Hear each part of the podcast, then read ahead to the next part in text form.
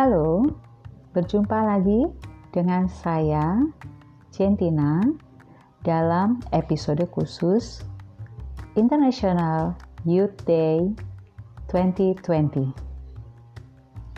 Sahabat kultur metamorfosa istimewa, hari ini adalah hari yang sangat istimewa bagi orang-orang muda di seluruh dunia. Hari ini adalah Hari Pemuda Internasional. Sejarah lahirnya Hari Pemuda Internasional sendiri dimulai pada tahun 1999 ketika Majelis Umum Perserikatan Bangsa-Bangsa mengesahkan rekomendasi yang dibuat oleh Konferensi Para Menteri yang bertanggung jawab sedunia di Lisbon pada tanggal 8 hingga 12 Agustus 1998 bahwa 12 Agustus ditetapkan sebagai Hari Pemuda Internasional. Hari Pemuda Internasional memberikan kesempatan untuk merayakan dan menyuarakan suara, tindakan, inisiatif bagi, bagi kaum muda serta keterlibatan mereka yang bermakna universal dan setara.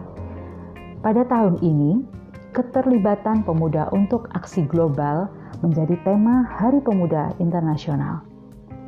Remaja atau pemuda adalah kekuatan positif untuk perkembangan jika dibekali dengan pengetahuan dan kesempatan yang mereka butuhkan untuk berkembang. Saat ini, ada 1,2 miliar anak muda berusia 15 hingga 24 tahun yang merupakan 16% dari populasi global. Pada tahun 2030, tanggal target untuk tujuan pembangunan berkelanjutan atau SDGs yang membentuk agenda 2030 disebutkan bahwa jumlah pemuda diproyeksikan akan tumbuh 7% atau menjadi hampir 1,3 miliar. Menyoroti cara keterlibatan kaum muda di tingkat lokal, nasional, dan global dalam memperkaya lembaga dan proses nasional dan multilateral, serta menarik pelajaran dari bagaimana representasi dan keterlibatan mereka dalam politik kelembagaan formal dapat ditingkatkan secara signifikan. Pandemi COVID-19 telah mengakibatkan ekonomi yang parah dan dampak sosial di seluruh dunia.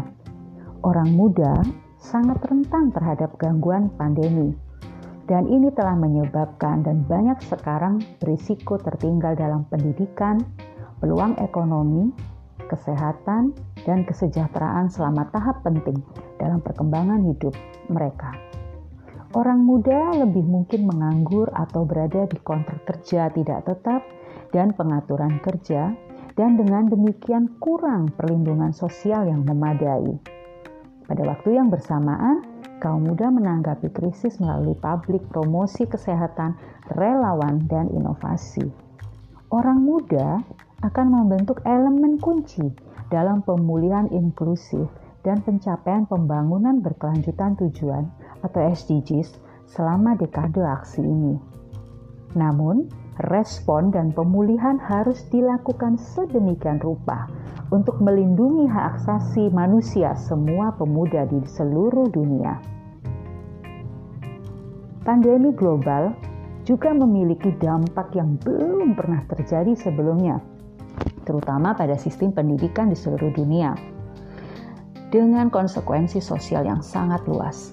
Menurut UNESCO, tahun 2020, sejauh ini 191 negara telah menerapkan penutupan sekolah secara nasional atau lokal yang mengakibatkan lebih dari 91% persen siswa yang terdaftar atau sekitar 1,5 miliar orang tidak dapat bersekolah.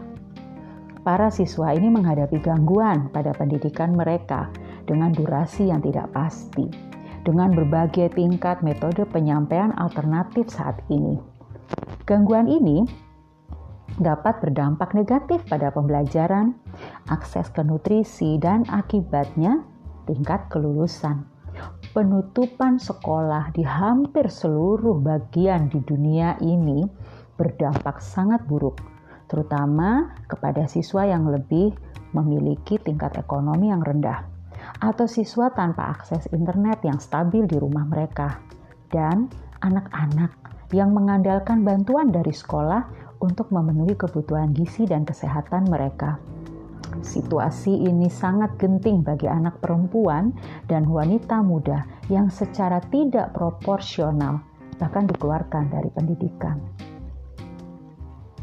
Untuk meringankan situasi, pemerintah di seluruh negara di bagian dunia ini harus memastikan ada kontinuitas dalam pembelajaran dengan mempromosikan solusi berteknologi rendah, berteknologi uh, yang sedang atau bahkan tanpa teknologi, mengingat besarnya kesenjangan digital yang ada.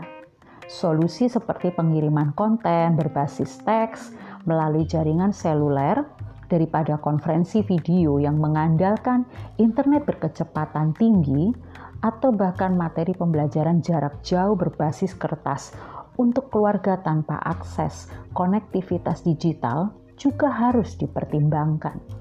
Siswa berkebutuhan khusus seperti para penyandang cacat akan membutuhkan perhatian tambahan dan dukungan karena pembelajaran jarak jauh itu menimbulkan tantangan khusus bagi mereka dan keluarga mereka.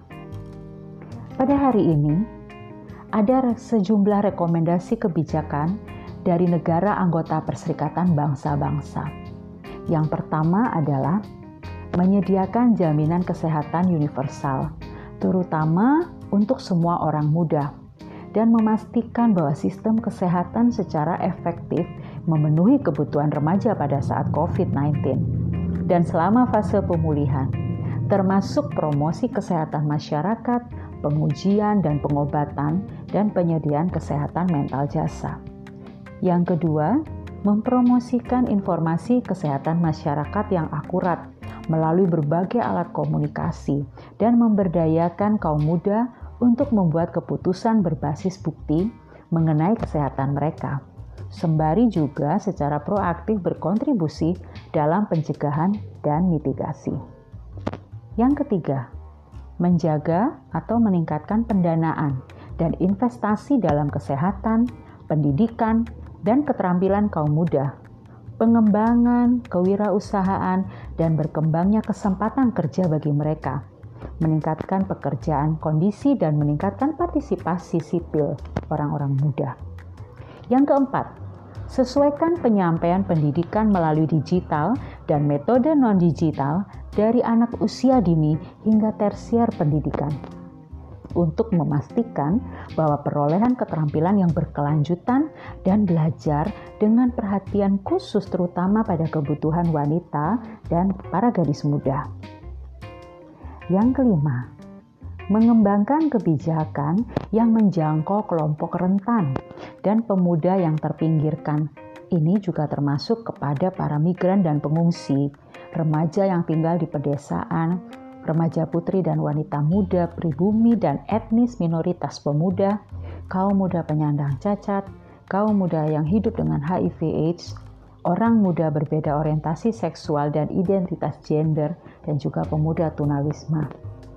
Yang keenam, memperkuat kapasitas nasional untuk mengumpulkan, menganalisa, dan menyebarkan data yang dipilah berdasarkan usia, jenis kelamin, dan karakteristik populasi lainnya khususnya untuk menangani yang paling terpinggirkan dan rentan kelompok pemuda selama dan setelah pandemi ini. Yang ketujuh, pastikan bahwa sistem perlindungan sosial termasuk semua orang muda dengan perhatian khusus pada mereka yang tidak tercakup oleh perlindungan sosial saat ini.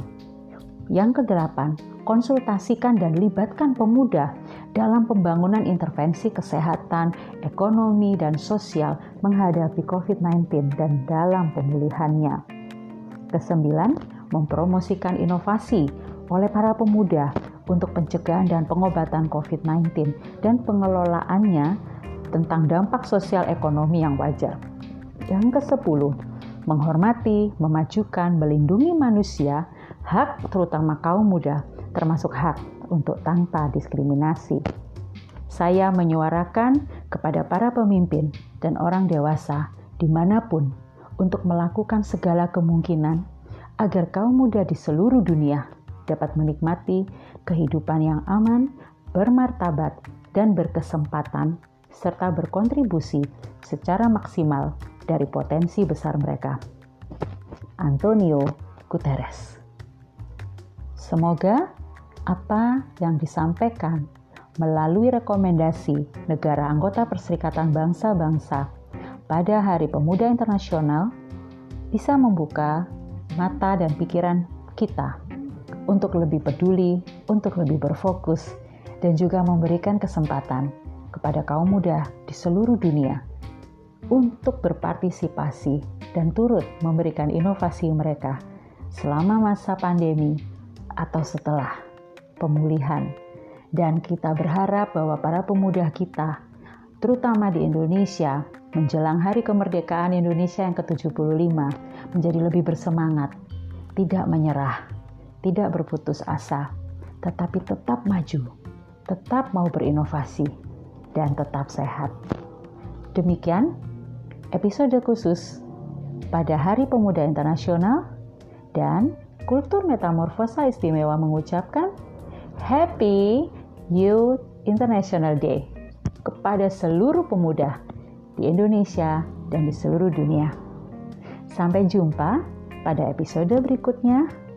Salam sehat dan tetap semangat para pemuda Indonesia.